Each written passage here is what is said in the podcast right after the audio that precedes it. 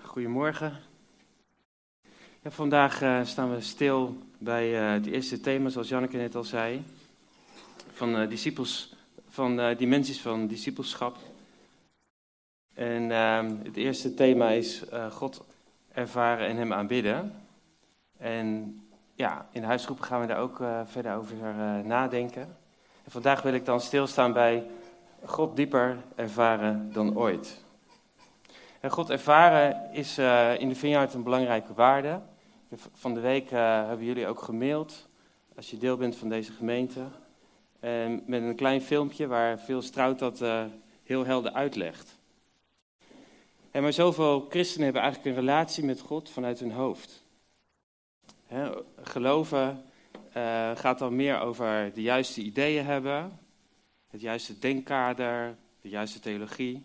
En nou is dat zeker ook iets wat uh, belangrijk is.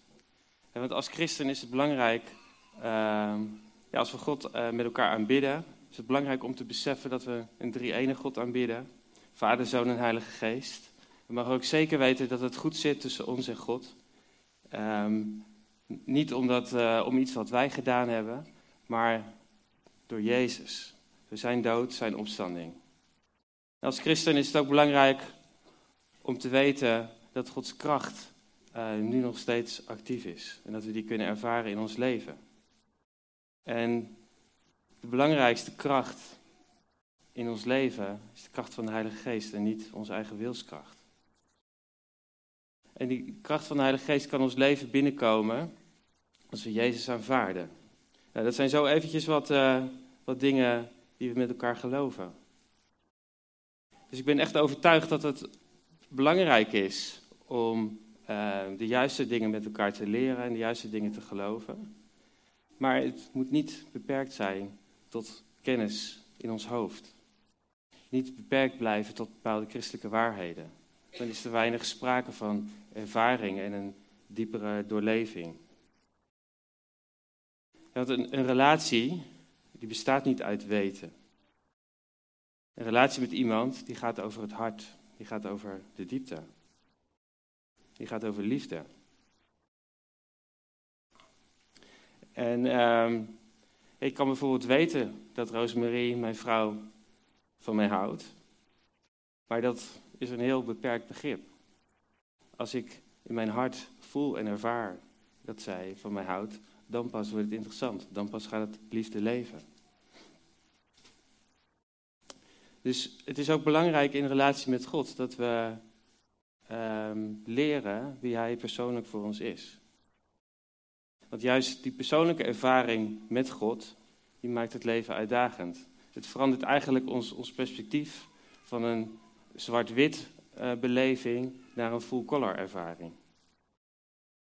En um, ja, ik weet niet of jullie terug willen naar de jaren 60, waar we zulke kleine schermpjes hadden met zwart-wit tv's. Wat we nu hebben, dat uh, ziet er veel mooier uit. Maar de, de uitdaging is dus dat we mogen bewegen van ons hoofd naar ons hart. Dat je diep van binnen weet, in jouw hart, God de Vader houdt van mij. En dat dat meer is van, ja, God houdt wel van mij, want ja, God houdt van iedereen, dus hij moet wel van mij houden, dat weet ik dan wel. De uitdaging is om te bewegen van je hoofd naar je hart. Van weten naar ervaren.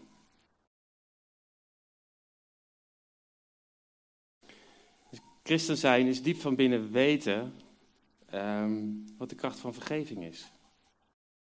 Diep van binnen weten dat je vrij bent, dat je uh, schuld en schaamte, dat die van je afgevallen is, omdat je vergeven bent. En van daaruit ook leven. Christen zijn betekent dat je Gods kracht mag ervaren in je leven. En God kan dingen doen in je leven die je gewoon niet logisch kan verklaren. Hij kan je gebeden verhoren. En de enige conclusie die je dan misschien nog kan trekken is van, hey, dit, dit was God in mijn leven. En je ontdekt dan, hey, hij ziet me. Wauw, hij is echt actief betrokken in mijn leven. Hij kan dingen in jouw leven doen die hij in het leven van anderen niet kan doen. Omdat jij anders bent. En zulke ervaringen met God, ervaringen van Gods liefde, van zijn kracht, van zijn voorziening, die maken dan een diepe indruk. Het zijn vaak ook ervaringen die, uh, die je anders achterlaat dan dat je ervoor stond. En vandaag wil ik met jullie uh, kijken naar zo'n verhaal in de Bijbel. Het verhaal van Jacob. Jacob die maakt een aantal bijzondere ervaringen met God mee, die hem eigenlijk ook uh, van binnen veranderen. En de kennis van God die, die uh, waarschijnlijk wel door zijn ouders uh, heeft meegekregen, het weten in zijn hoofd, verdiept eigenlijk door die ervaringen ehm, in zijn leven het, het land in zijn hart. En God, uh, in Jacob ervaart God dieper dan ooit.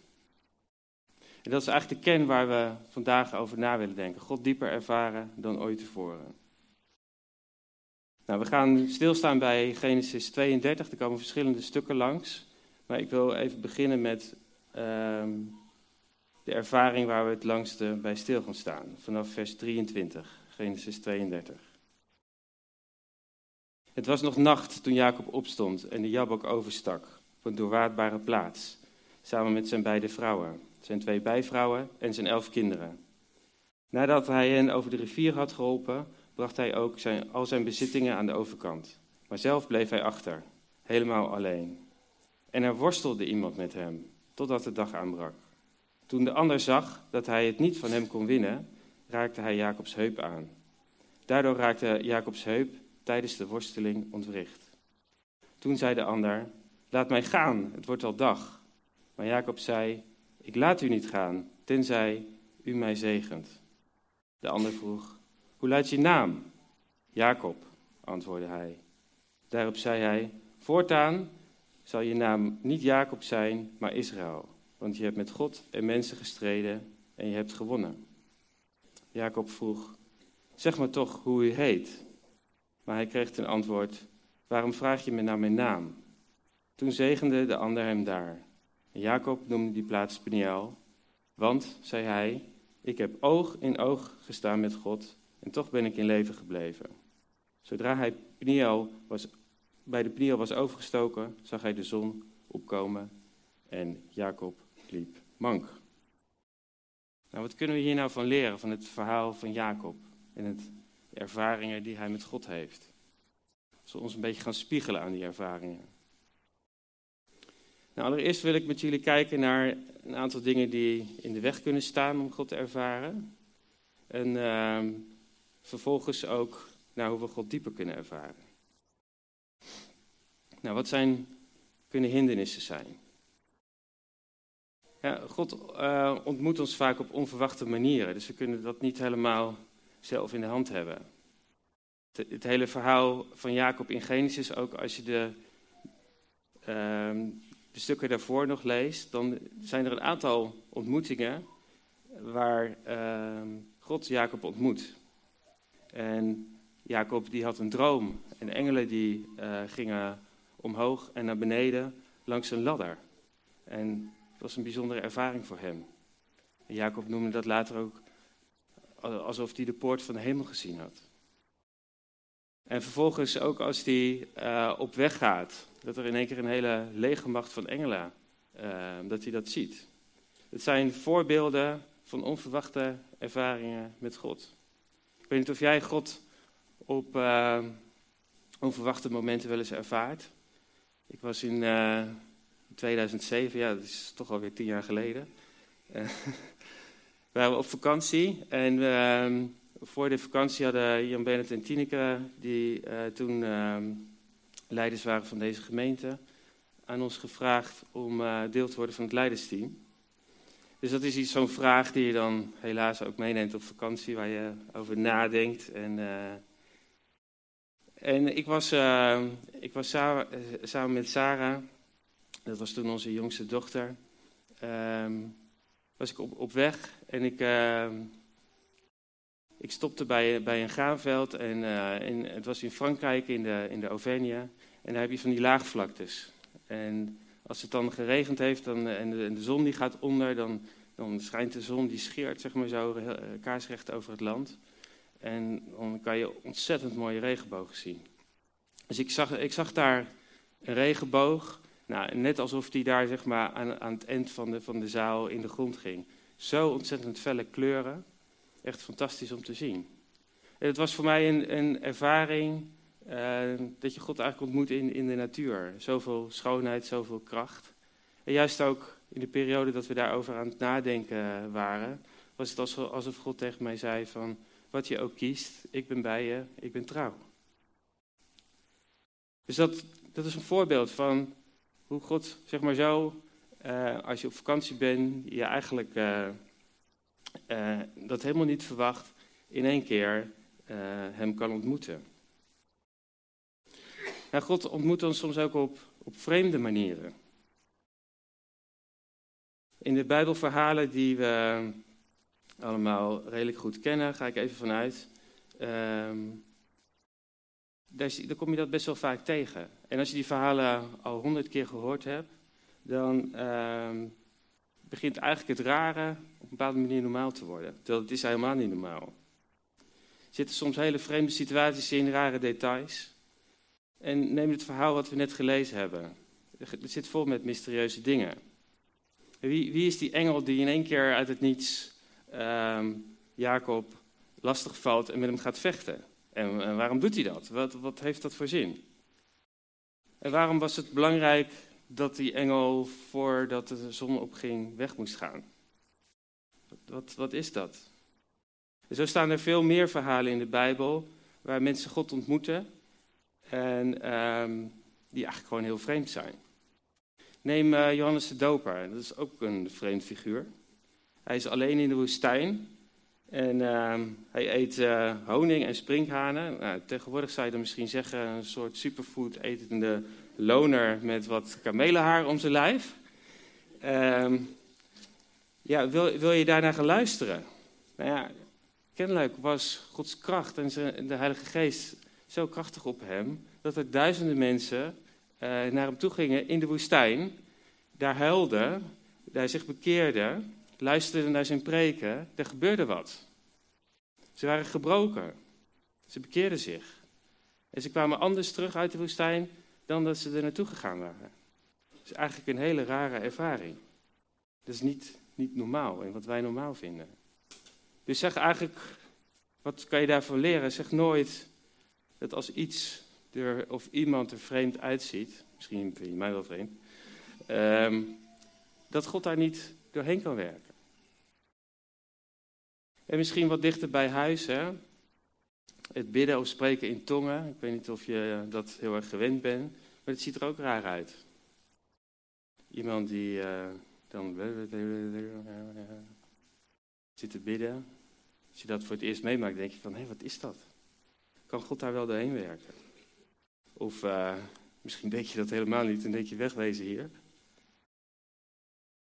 Maar het punt is dus eigenlijk, ondanks dat iets vreemd is of uh, oncomfortabel aanvoelt, uh, betekent nog niet dat God er niet doorheen kan werken.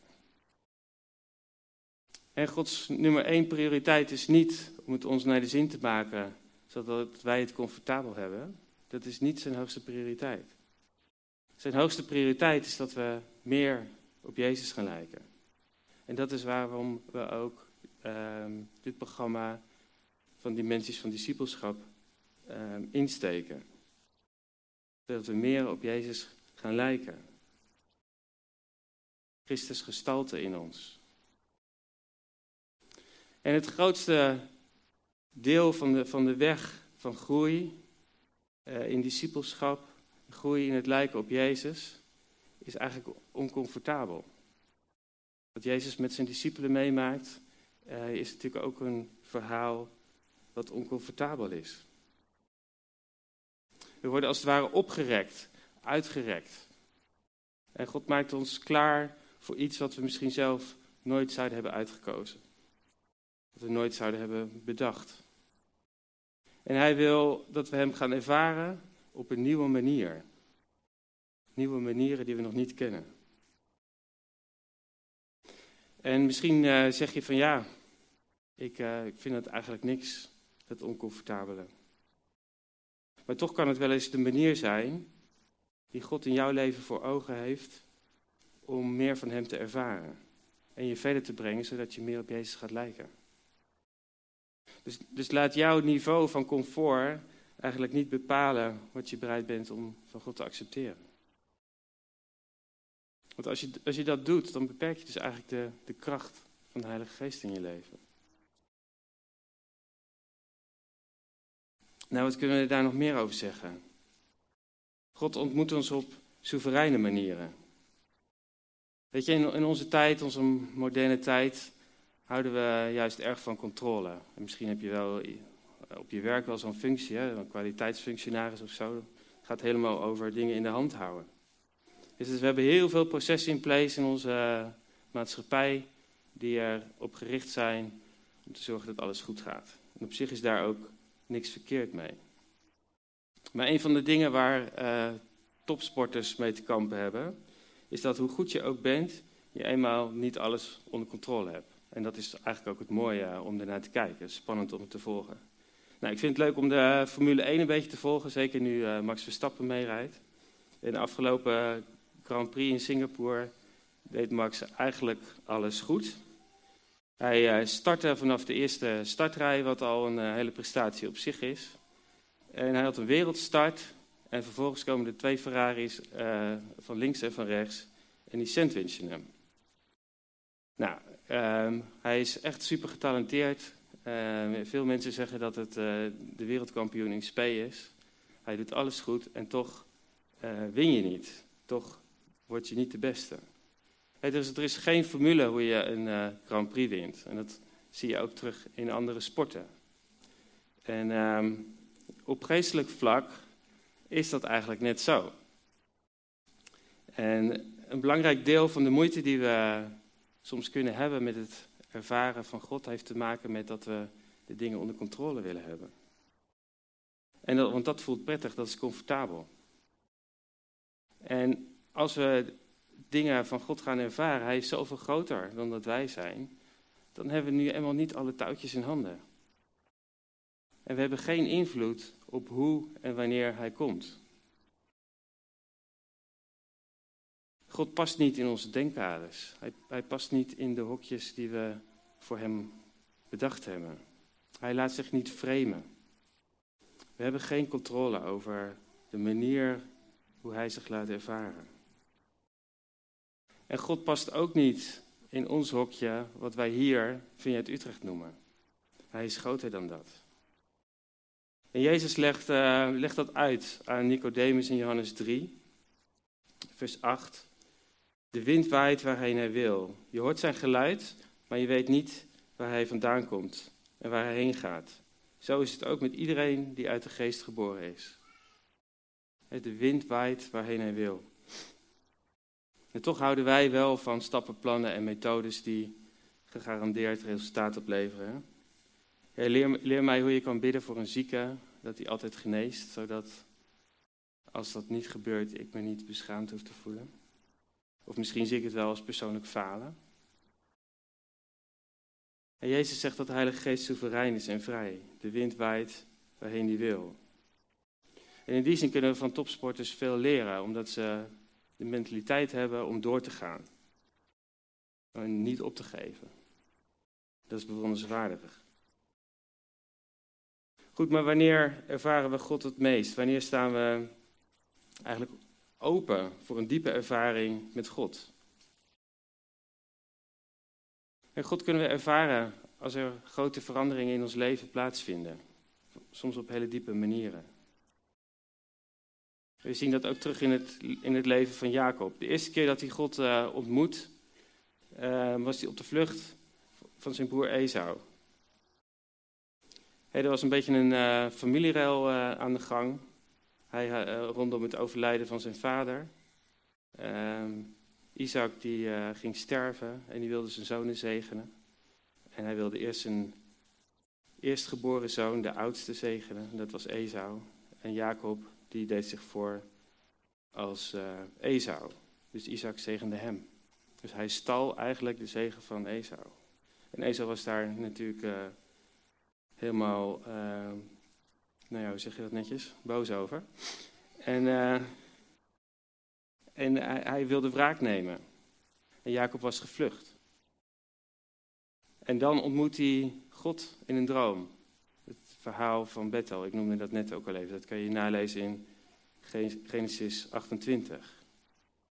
Dus tijdens een grote verandering in zijn leven, waarin hij uh, wegvlucht van alles wat hij kent en alles wat hij heeft, uh, ontmoet hij God. En vervolgens de ervaring van de worstelende man, uh, die we net, hebben gelezen. Dat is een ervaring die voorafgaat aan het weer terugzien van Esau.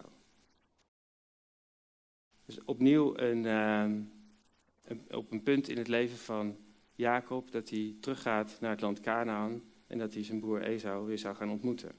Dus al, al deze momenten vinden plaats bij grote veranderingen in het leven van Jacob.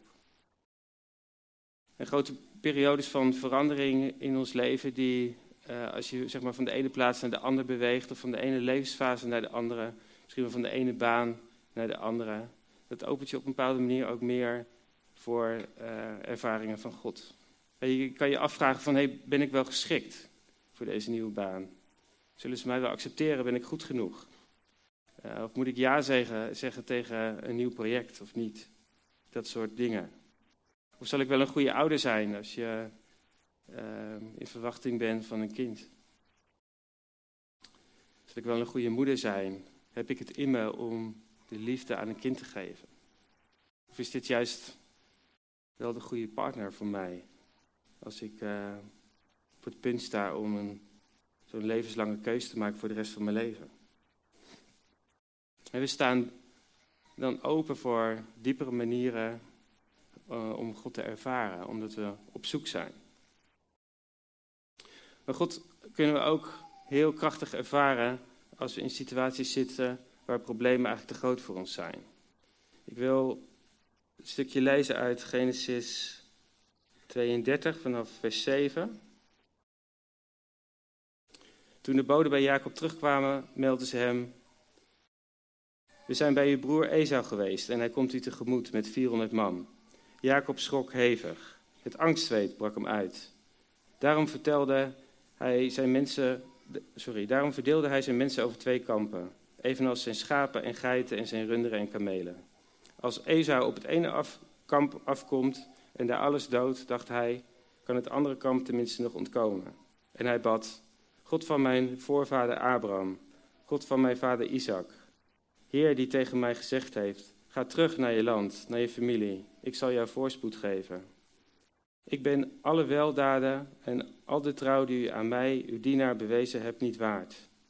Met alleen mijn stok ben ik in de tijd de Jordaan hier overgestoken en nu kan ik mijn mensen zelfs niet over twee kampen verdelen. Ik smeek u, red mij uit de handen van Esau, mijn broer, ik vrees dat hij ons zal aanvallen.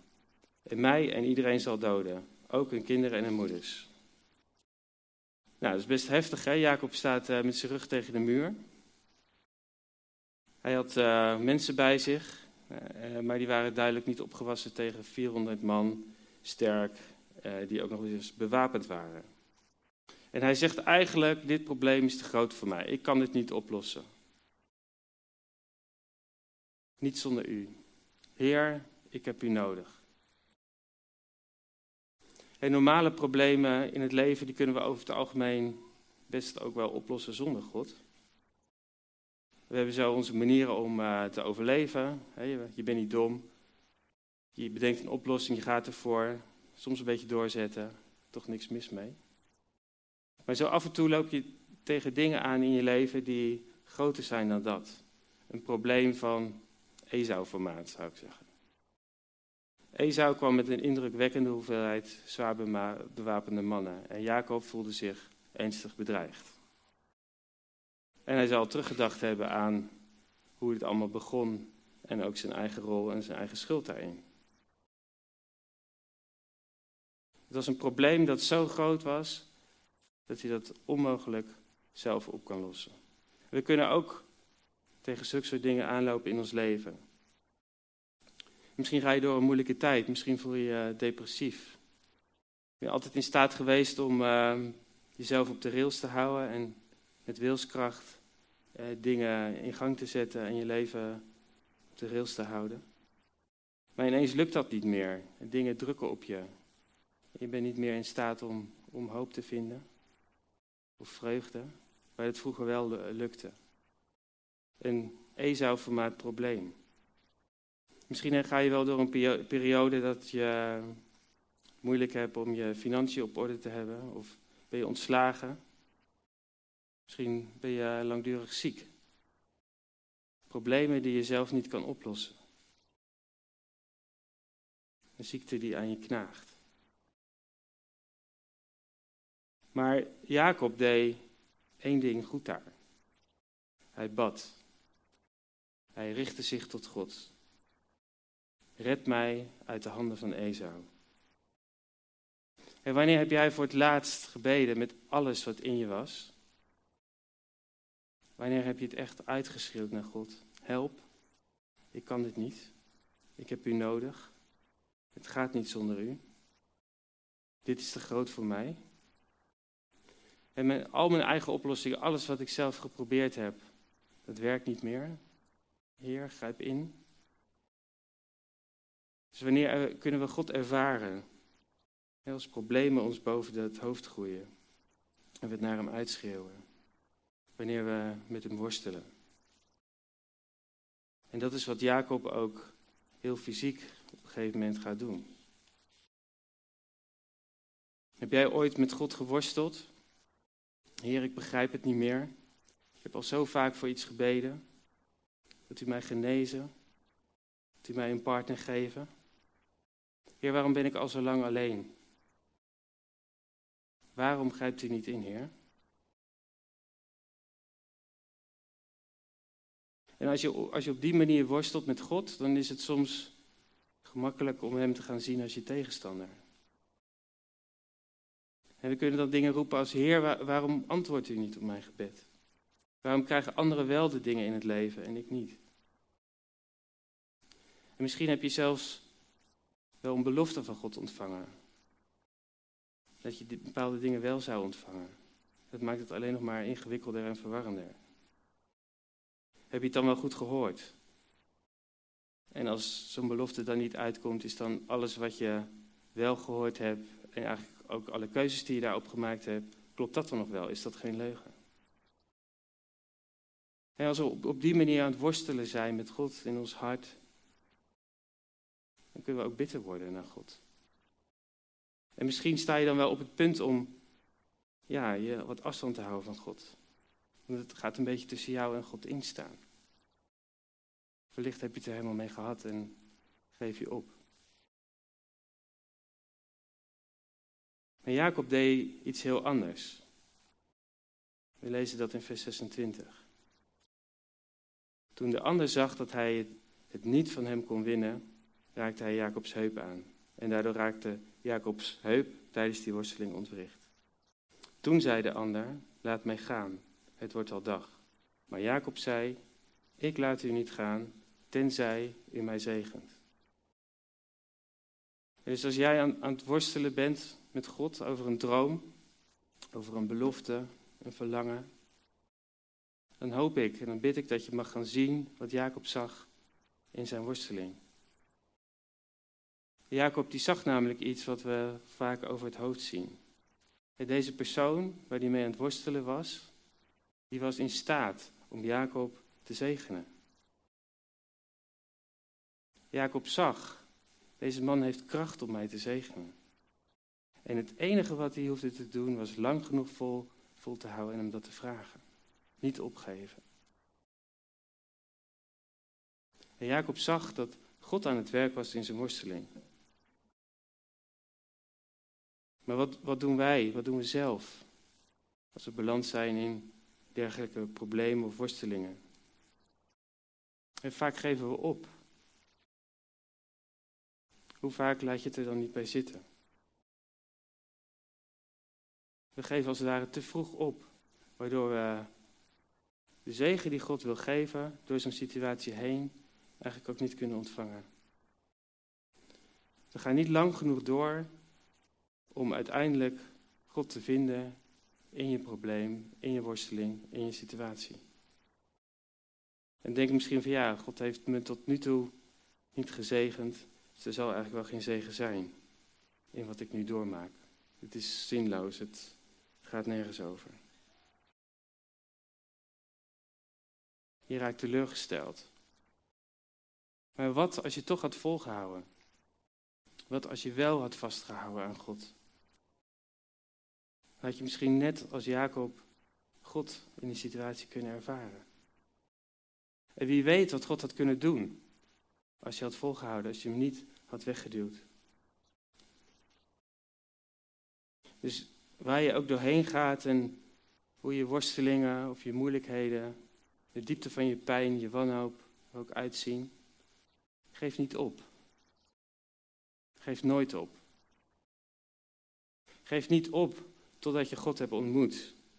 In het midden van je worstelingen, in het midden van je pijn en je teleurstelling. Goed, wanneer ervaren we God? We ervaren God ook als we echt eerlijk worden over onszelf. Als we recht in de spiegel durven kijken. Vers 28. Daar vraagt uh, de man waarmee Jacob worstelt: Wat is je naam? Jacob, zegt hij. Jacob. En ik denk dat die vraag Jacob herinnert aan een ander moment waar hem dezelfde vraag gesteld werd. Wat is je naam? Toen was het niet God de Vader die die vraag stelde, maar zijn eigen vader, Isaac. En zijn vader was blind. En uh, zijn vader was stervende. En zijn vader kon niet zien dat Jacob hem bedroog. Want Jacob deed zich voor als Esau. En nu is het God de Vader die hem deze vraag stelt. En nu zegt hij wel de, de waarheid. Hij zegt, ik ben Jacob. En dat betekent hielerlichter of bedrieger. Heer, ik weet wie ik ben. En ik kan me niet langer verstoppen voor u. Ik ben het zat, al het manipuleren, het bedriegen, het graaien en het grijpen naar dingen. Het niet wachten op u. Jacob zegt, ik ben het. Ik ben die bedrieger. Ik ben die chageraar. Dit soort momenten in je leven zijn heel belangrijk. Dat je niet anders kan dan echt eerlijk zijn over jezelf. En dan ontmoet je God. Momenten dat je, dat je knielt, misschien, dat je toegeeft. Heer, ik ben niet mezelf geweest. Ik draag maskers. Probeer te overleven. Ik speel spelletjes. Probeer dingen te verdraaien zodat ik er goed uitkom. Geef anderen de schuld, maar ik ben verantwoordelijk. Ik wil dit niet meer. Ik ben het zat om in de schaduw te leven. En als je op zulke soort momenten eerlijk bent, dan komt God. Dan komt hij met zijn vergeving, dan komt hij met zijn liefde, dan komt hij met zijn oorspronkelijke bedoeling voor jou. Jacob ontvangt hier een nieuwe naam, Israël. Een nieuwe identiteit. Zijn naam van bedrieger wordt vervangen door de naam die Israël die betekent de man die met God gestreden heeft. En Jacob ervaart God dieper dan ooit tevoren. En hij is niet meer dezelfde man. En nu is hij klaar om zijn broer Esau te ontmoeten, die eigenlijk helemaal geen kwaad meer in de zin had. Maar Jacob had het nodig om af te rekenen met zijn verleden en het achter zich te laten. En Jacob ervaarde God dieper als nooit tevoren. En die, die weg van zijn hoofd naar zijn hart, die uh, kende diverse hobbels. En hij had die ervaring met God had hij nodig om dieper um, God te leren kennen, maar ook zichzelf te leren kennen. En God verlangt ernaar dat ons echte ik zichtbaar wordt.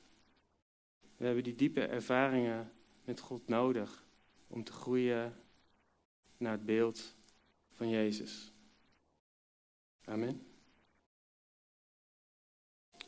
Is het aanbiddingsteam uh, terug wil komen?